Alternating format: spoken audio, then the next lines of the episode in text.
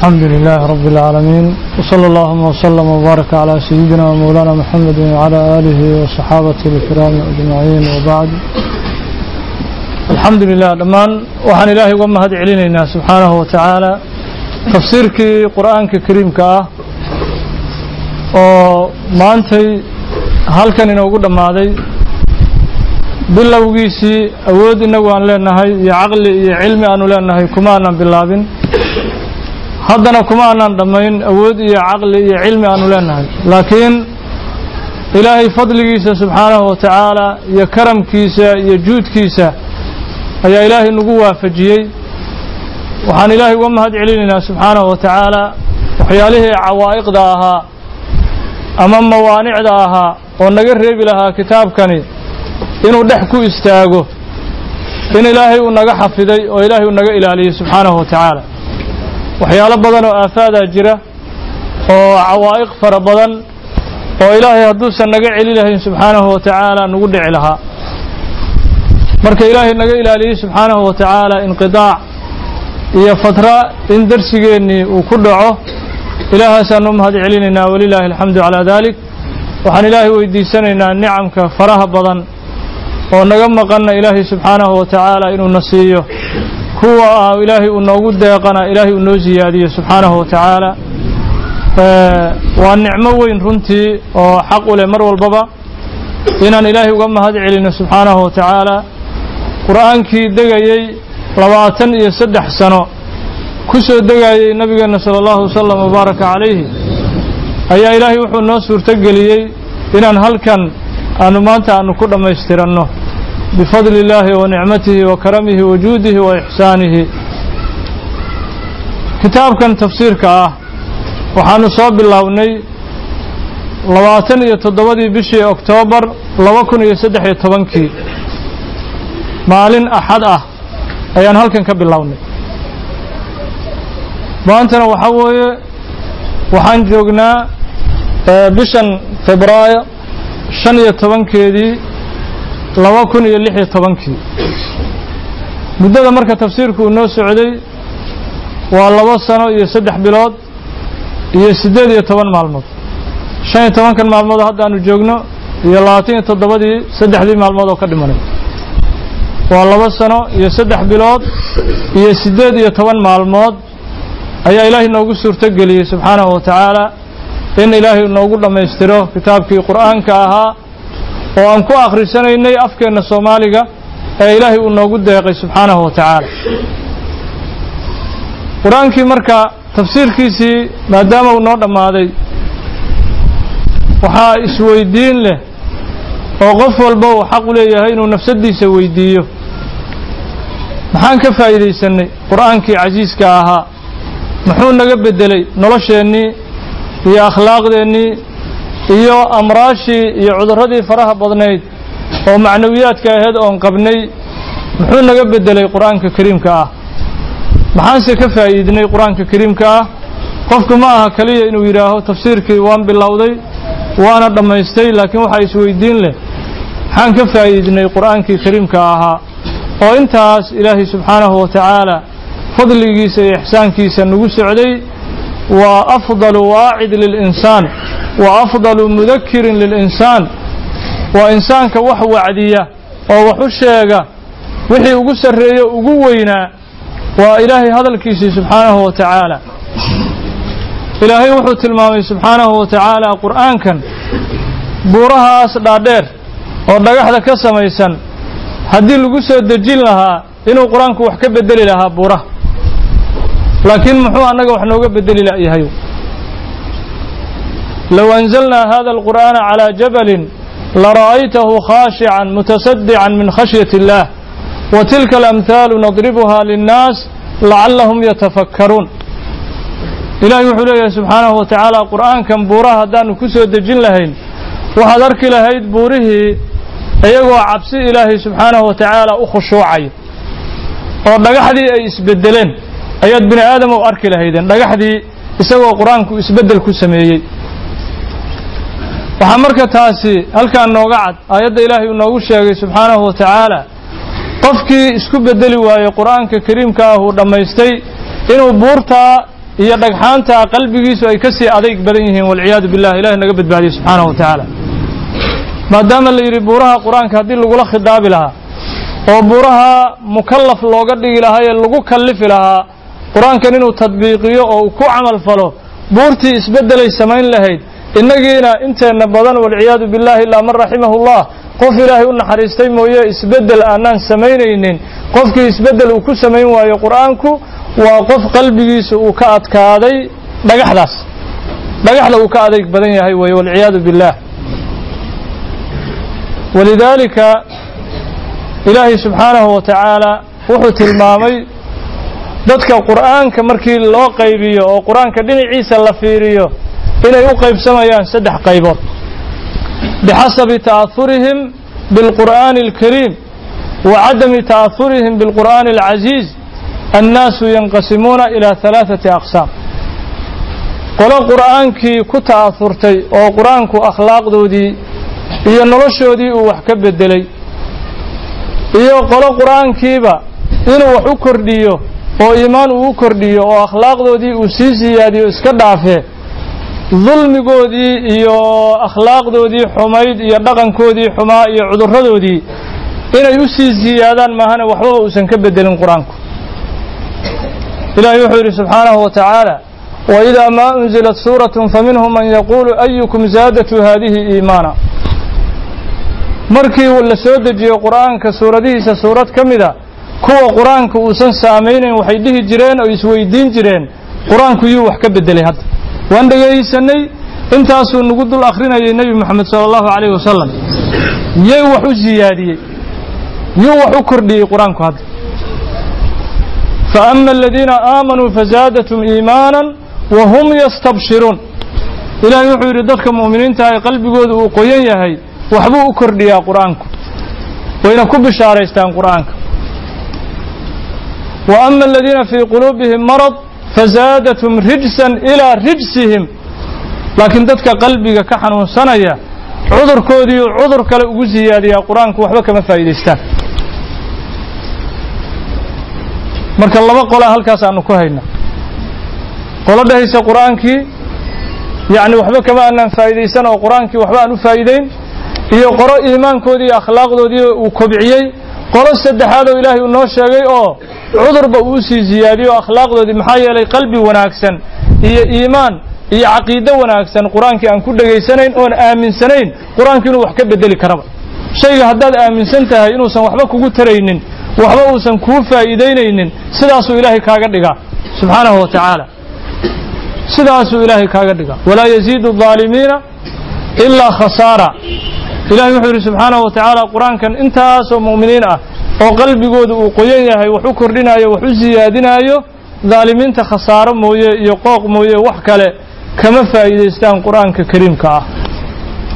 Allahu nazla axsana alxadiidi kitaaban mutashaabihan mahaaniya juluudu aladiina yakhshawna rabbahum ثuma taliinu juluuduhum wa quluubuhum ilaa dikri اllah ilaahay wuxuu tilmaamay dadka wanaagsan qur'aanka markii lagu dul akhriyo oo macaanidiisa ay fahmaan yacni saamayn uu ku yeeshay jirkooda in laga dareemayo ay jaraynayaan ay qamandhacoonayaan. Waa qamandhacoonayaan oo waa jaraynayaan cabsi ilaahay subxaanahu wa tacaala iyo markii ay soo xasuustaan waxa qur'aanku uu sheegayo iyo sida asagu uu yahay. Uu isbarbar dhigaa qofku. Dadkii naga horreeyey qur'aanka saamaynta uu ku yeeshay markii la fiiriyo waxa weeye wax garaadkeenna iyo caqligeenna ka weyn maxaa yeelay ibnu xajar alcasqalaani raximahu llahu tacaala kitaabkiisan al-isaaba fii tamyiizi saxaaba wuxuu ku sheegay ninkii la sheekhi la dhihi jiray zuraaratu bnu awfa qoluu imaam u noqday qur'aanku aqriyey faidaa nuqira fi nnaaquuri fadalika yowmaidin yowmun casiir uu akhriyey fakhara mayita. Waa dhacay. Aayadda macnaheeda markuu dhuuxay waa dhintay isbeddel uu ku sameeyo iska dhaafe naxdin yacni qofku siduu ku sugan yahay iyo waxa ilaahay uu ka doonaayo iyo tilmaamaha qur'aanku uu bixinayo markuu isku fiiriyo dadka qaaraa la dhintay. Saamayntii qur'aanka. Tamiimu daari saxaabigii la dhihi jiray wuxuu ka mid ahaa min almuta'ahiriina bi hada alqur'aani alkariim dadkii qur'aanka kariimka aad ugu saamoobay waxna uu ka bedelay qur'aanka kariimku maalin walbana iimaankiisa uu siyaadinayay dadkaasuu ku jiray tamiimu daari habeen dhan waxaa la yidhi wuxuu ku soo jeeday saxaabigaa tamiimu am xasiba aladiina اjtaraxuu sayi'aati an najcalahum kaladiina aamanuu wacamiluu saalixaati sawaaءan maxyaahum wamamaatuhum habeen dhanaa waagu ugu baryay aayaddaa siduu ugu celcelinayay. Maxaa yaele aayadda macnaheedu waxay leedahay ma waxay u maleeyaan dadka xumaatada samaynaya in noloshooda iyo geeridooduba ay la mid noqon doonto dadka ilaahay ka cabsanaya subxaanahu wa tacaala isku mid ma noqonayaan? Marka dadka qur'aanka macaanidiisa fahmay macaanidiisuna akhlaaqdooda iyo noloshoodii ay wax ka beddeshay sidaasay noloshoodu ay ahaan jireen. Walidaalika qof walba waxaa habboon inuu su'aal isweydiiyo maxaad ku sugnayd? Qur'aankan tafsiirkiisa intaan la bilaabin laba sano ka hor xaaladaadu maxay ahayd laba sano ka bacdi markii ilaahay suurtogeliyey tafsiirkii inuu dhammaadayna xaaladaadu xaggee ku sugantay bal farqiga kuu dhexeeya muxuu yahay? Natiijada ama jawaabtu hadday kuu soo baxdo wallaahi waxaan isbedelay ma jiraan. Laba sano ka hor qur'aanka markii laygu dul akhrinayay sidii aan ahaa iimaankaygu intuu yacni cumqigiisu uu qodnaa. Iyo hadda intuu iimaankii iyo akhlaaqdii alla kacabsiga iyo cibaadada sidaan ugu dadaalayo sidii aan ka ahaa ayaan haddana ka taaganahay jawaabtaa hadday kuu soo baxdo ogaaw xaaladaadu waxay ku jirtaa khatar. Xaaladaadu waxay ku jirtaa khatar. Laakiin nowcan maa haddaad is leedahay. Wax un baad iska beddeshay haba yaraatee. Been caado yacni kuu ahaan jirtay. Beentii ad alla ilahi qur'aanku kaa fujiyey. Xan caado kaa u ahaan jirtay. Qur'aankaa kaa fujiyey. Dhibkii dadka deriska iyo dadka muslimiinta aad ku hayn jirtay qur'aankaa kaa bedelay oo kaa fujiyey dadkii maaragtay acdaada ilaahay cadowga ilaahay oo aad jeclayd qur'aankaa kaaga digay oo kaa fujiyey salaatuleyl aadan tukan jirin qur'aankaa kaa bedelayoo qiyaamuleylkii aad daa'imtay joogtayday salaaddii jamaacada oodan joogtayn jirin waad joogtaysay wax uun haddii uu isbeddel noloshaada ka mida uu ku sameeyey khayr badanaa lagu rajaynaa ilahina kuu ziyaadiyo subxaanahu wa tacaala. Laakiin qur'aankii haddii haba yaraatee isbeddel aadan ku haynin xaaladaada waa loo cabsadaa xaaladaada waa loo cabsadaa xaaladaaduna waa xaalad halisa. Ilaahayna waxaan weydiisanaynaa subxaanahu wa tacaala dhammaanteen inuu naga dhigo kuwii qur'aanku wax badan uu ka bedelay ilaa uu gaarsiiyo ilaahay ridihiisa subxaanahu wa tacaala iyo jannat ulfirdows aakhirana uu u shafeeco. Ilaahay ha naga dhigo.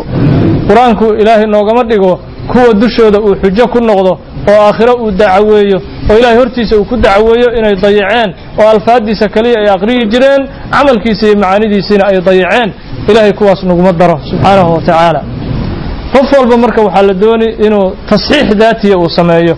Tasxiix daati inuu sameeyo asagu uu dib isku saxo wixii ka khaldanna qur'aankan intuu isku bandhigo oo qur'aanka hortiisa uu soo dhigo inuu awsaaftiisii iyo akhlaaqdiisii iyo noloshiisii wax badan uu ka saxo qur'aanka kariimka markaasaa la dhihi karaa qofkani alla ilaahe qur'aankii kariimka ahaa waxbuu ka faa'iidaystay. Nabigeenna sala allahu wasalam wabaaraka calayhi. Xadiis waxaa jiray imaamu tirmidi uu sunankiisa ku warinayay oo nabigu calayhi salaatu wasalaam uu ku yidhi innahaa satakunu fitna innahaa satakunu fitna ummaddayda waxaa ka dhex dhici doona fitan. Fitanaa ka dhex dhici doona. Qiila wama almakhraju minhaa yaa rasuula allah waxaa la yidhi rasuulka ilaahayow fitantaas maxaa looga badbaadi karaa? Maxaa looga bixi karaa fitantaas? Waa fitan isugu jirta xagga siyaasadda xagga dhaqaalaha xagga amniga iyo xagga ijtimaaca ee bulshada. In fitan dhinac walbaba ummadda hareerayn doonta ayaa dhici doontuu yidhi nabigu calayhi salaatu wasalaam. Rasuulka waxaa la weydiiyey sala allahu calayh wasalam fitanta maxaa looga bixi karaa? Markaasuu nabigu wuxuu ku jawaabay sala allahu calayhi wasalam kitaabullah. Waa xadiis tirmidi uu sunankiisa ku warinayo kitaabullah. Waa min xadiisi caliy bni abi aalib kitaabullah. Fiihi naba'u man qablakum wa khabaru man bacdakum wa xukmu maa baynakum wa huwa alfaslu laysa bilhazli. Uu yidhi nabigu sala allahu wasalam wabaaraka calayh fitantaas waاqtisaadiya wa siyaasiya intaba waxaa looga bixi karaa uu yidhi kitaabka ilaahay nabigu sala allahu calayh wasalam fitanta sida guud annaga noo haysata haddaanu nahay soomaali oo soomaalida hadda markii la fiiriyo waddankeennu waa waddan yacni jasad meel yacni ka caafimaad qaba uusan jirin. Waa hal jir waddankeennu oon kala qaybsami karin haddana xubin u fayow oo u caafimaad qabta aysan waddanka jirin hadday tahay xagga diintii waad maraysaanoo qof islaam sheeganaya oo diin sheeganaya ayaa ummaddii dhahaya dhiiggoodii ayaan ilaahay ugu dhowaanaya subxaanahu wa tacaala. Diintu halkaasay maraya akhlaaq. Markii la yidhaaho xagga siyaasaddana waddankii wuxuu mari in yacni marxalad uu ku jiro lagala tashado cadowgii ilaahay iyo dadkii gaalada lagala tashado xogtii waddanka intay ogaadaan oo yacni qabaa'ilkii ay dhex galaan oo ummaddii ay kala dilaan iyagii masiirkii ummadda soomaaliya iyaga lagala tashado. Oo maanta qof markii la soo dooranayo oo madaxweyne la soo dooranayo ama qof mas'uula la soo dooranayo wax badan oo talo ah laga siiyo iyagii oo talo badan ay ku leeyihiin. Waa cadowgii ilaahay uu yidhi ha laga fogaado subxaanahu wa tacaala.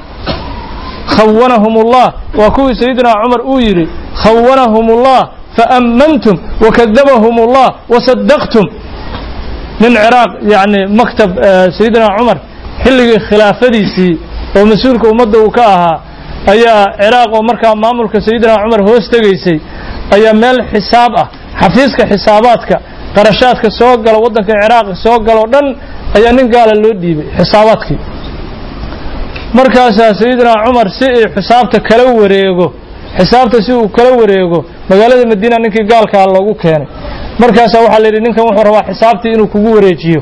Wixii xisaabuhu hayay. Masjidkuuna ku jiray sayidina cumar. Markaasuu yidhi ninka maxaa dhacay? Masjidka ha igu soo galo ha igu yimaado. Markaasaa la yidhi ninku waa gaal oo masjidka sooma geli karo. Xafiiska xisaabaadku u hayay. Waa gaal oo masjidka uma soo geli karee? Bannaanka inaad ugu soo baxdo bannaanka kula xisaabtanto. Ayuu sugahay. Markaasuu sayidina cumar wuxuu yidhi khawanahum ullahu faammantum ilaahayaa khaa'iniin ku tilmaamay idinkuna waxaad ku tilmaanteen kuwo la aamino wakadabahum ullahu wasadaqtum ilaahay beenaalayaaluu ku tilmaamay idinkuna runtiinniyaad ku aaminteen marka waxaa weeye soomaaliya waxyaalaha dhibaatada caamka ee heesta iyo kuwa guud iyo kuwa khaaska ah intaba waxaa makhraj u noqon kara kitaabka ilaahay subxaanahu wa tacaala qiila ma lmakhraju minha maxaa looga bixi karaa fitanta qaala kitaabullah kitaabkaas ilaahay subxaanahu wa tacaala in asaga layska hormariyo oo asaga imaam laga dhigto oo isagu la yidhaaho muxuuna faray. Arrimaha yacni xagga dhaqaalaha isaga looga tala qaato siyaasadda isaga looga tala qaato ee cibaadaadka iyo akhlaaqda looga tala qaato taasaa looga bixi karaa fitanta caamka ah oo ummaddeenna saydaraysay laakiin intii wax kitaabka ilaahay aan ahayn laga tala qaadanaayo fitantaasaan ku jiraynaa ilahayna hanaga saaro subxaanahu wa tacaala marka qur'aanku waxa weeye waa daawadii waa daawadii ilaahay subxaanahu wa tacaala ugu talagalay jamiicu alamraad almacnawiya waalxisiya in looga daawoobo? Cudurrada macnawiyaadka ah oon la fahmi karin iyo cudurrada la fahmi karoo xisiga ah kulli in looga daawoobo kitaabka ilaahay ugu talagalay wey subxaanahu wa tacaala. Ilaahay hana waafajiyo sidaas. Marka kitaabkan qur'aanka ah tafsiirkiisii wuxuu noogu dhammaaday laba boqol iyo afartan iyo shan dersiyaanu ka qaadan. Ama laba boqol iyo afartan iyo shan xalqo. Ayaan halkan isugu soo fadhiisannay marka waxay ka dhigan tahay haddii maalin walba la akhrin lahaa laba boqol iyo afartan iyo shan maalmood uu noogu soo gebagaboobi lahaa. Maalin walba haddii la akhrin lahaa. Laakiin hadda wuxuu qaatay laba sano iyo dhowr bilood. Ayuu tafsiirkii hadda qaatay. Laakiin inta badan waxaa gelayay fataraad yacni ku saabsan safarada safaradaas fataraadkoodii aa galay. Laba gooroo xajka yacni anigu aan uga safray iyo markii hadda ugu dhoweed oo hindi aan aadayey iyo fasaxyo naga soo gelgelayay ayaa waxay saamayn ku yeesheen ilaa wakhtigaas dheer. Inuu maaragtaay tafsiirkii uu socdo laakiin mar walbaba waxaa un laga macaashay in galabta ilaahay fadligiisii uu noo dhammaaday. Alxamdu lilaahi rabbi alcaalamiin wax badana waxaana soo maray. Dhowr sano waxaa laga yaabaa qofka bini aadamku uu soo maray isagoon tafsiir dhammaysan uu noolaa jiray laakiin maanta ilaahay fadligii subxaanahu wa tacaala noloshiisa taariikh ahaan waxaa u gashay inuu qur'aankii ilaahay subxaanahu wa tacaala ummaddan uu u soo dejiyey in ilaahay subxaanahu wa tacaala uu waafajiyey in dhammaantiisba macaanidiisii uu bartay oo macaanidiisii uu fahmay oo macaanidiisii iyo tafsiirkiisiiba uu meeshan uu ku dhammaystay. Waa fadli weyn waa qiimo weyn wuxuuna u furan yahay kitaabkan tafsiirka ah. Ee wad hadda waa la duubay oo maqal iyo muuqaal intaba waa laga duubay. Waxaana codsan lahaa yarkan runtii axmed aad ugu dadaalay doobitaanka tafsiirka iyo kitaabka saxiixu muslimaba aad ugu dadaalay. Waxaan codsan lahaa faatixo gaara in loo maro in ilaahay subxaanahu wa tacaala adduunya aakhiradiisaba ilaahay uu ku liibaano in faatixada loo aqriyo. Wuxuu suurtogeliyey kitaabkan tafsiirka ah in caalamka dhan adduunka laga wada dhegaysto adduunka dhana laga wada dhegaystaa maxaa yeelay waxaa horeba toos looga geliyaa websayteka websaydaa la geliyaa qof walba meeshuu adduunka ka joogo ayuu labada kitaab ka dhegaystaa ilaa yowmina haada kitaabka saxiix muslimka iyo kitaabka tafsiirkaba caalamka soomaalida afkaa soomaalida wixii ku hadla oo dhan meel walbay adduunka ka joogaan casharkii maanta la bixiyey berri qof walba gurigiisa ugu jiraa adduunyada meeshuu ka joogaba. Marka bacda fadli illaahi tacaala ilahay fadligiisa ka bacdi waxaa suurtogeliyey yarkanaa suurtogeli marka faatixada aan u akhrino insha allah faatixa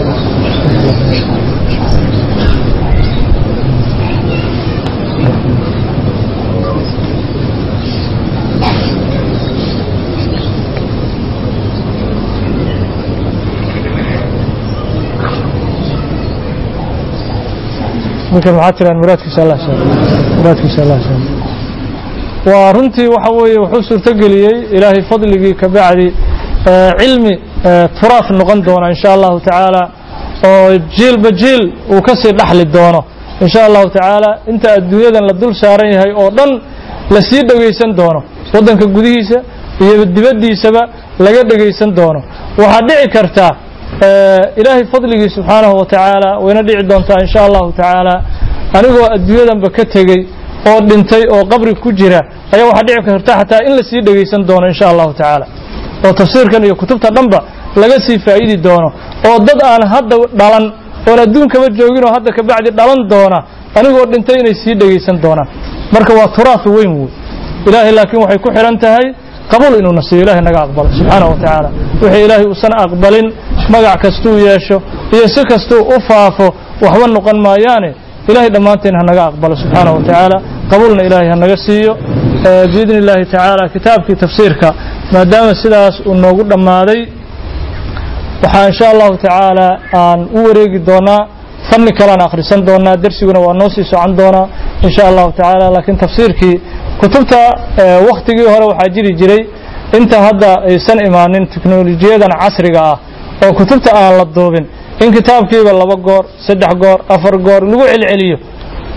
Laakiin hadda nin walbaba wuxuu haystaa waxaan anigu aan u bixiyey sheekh la amrayo aan u bixiyey. Nin walba iska haystaa. Mii marigu ku shubana gadaal u celi hore u celi ii bowsi ii tartiibi.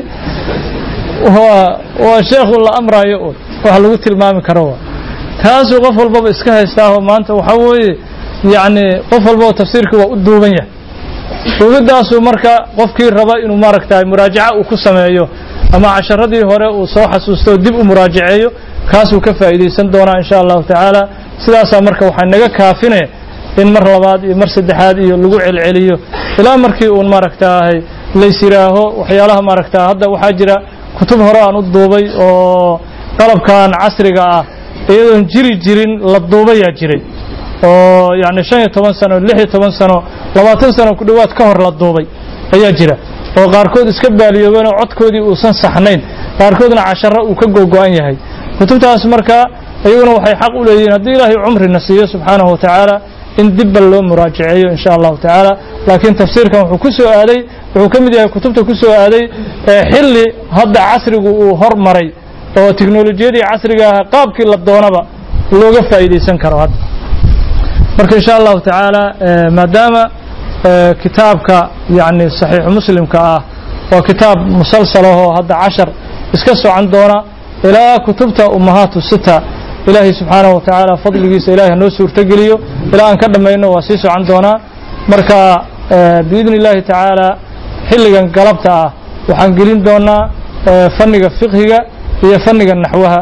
Oo min bidaaya aan ka soo bilaabayno insha allahu tacaala si markaas yacni dadka dersiga duhurkiina uu noqdo dersi oo dadka waaweyn oo mudarisiinta iyo ay ka faa'iidaan xilliga galabtiina. Jiilka naashi ah oo soo kobcaya oo soo koraaya ee iyaguna xaq u yeeshaan oo dadkii saas loogu kala xaq sooro oo lagu kala xaq qaybiyo. Laakiin hadda haddii kutub waaweyn haddana galabtii aan ka dhigno waxay noqonayaan xalaqaadkii in lagu soo koobay dadkii waaweynaa keliya in lagu soo koobay oo kobcayo iyaga la rababa markan inay wax daraaseeyaan oo ummadda marka ay wax ku taraan marka si maaragtaahay labada jiilba ay u faa'iidaan insha allahu tacaala waxaan bilaabi doonaa fiqhi bilaaw ah oo mukhtasaraadkiisa iyo safiinadii yani ugu hooseeya. Aan ka soo bilaabi doono iyo naxwihii oo isagana aan soo bilaabi doono muddo dheer aanaanba akhrinba yani naxwihii. Laakiin ilaahay fadligiisa waxaa subxaanahu wa tacaala dadkii dhallinyarada ahaa oo xalqada ka xambaaray ayaa hadda ka ah fanigii naxwaha iyo luqada. Oo dadkay u akhriyeen iyagu hadda sii akhriya marka iyada hadda baahi weyn looma qabo laakiin maadaama fanni uu ahaa uun dabeecaddaydu ay baratay ayaan waxaan rabaa inaan noloshayda aan sii wado insha allahu tacaala. Inta uun maaragta noolahay biidni illahi tacaala. Kitaabkan saxiix muslimka ah markuu noo dhammaado markaasaan wakhtiga la bilaabayo aan iclaami doonaa naxwaha iyo fiqhiguna waa isla socon doonaan afarta maalmood aa loo kala qaybin doonaa labana naxwaha labana fiqhiga in sha allahu tacaala hada billahi towfiiq asalaamu calaykum waraxmat ullaahi wabarakaatuh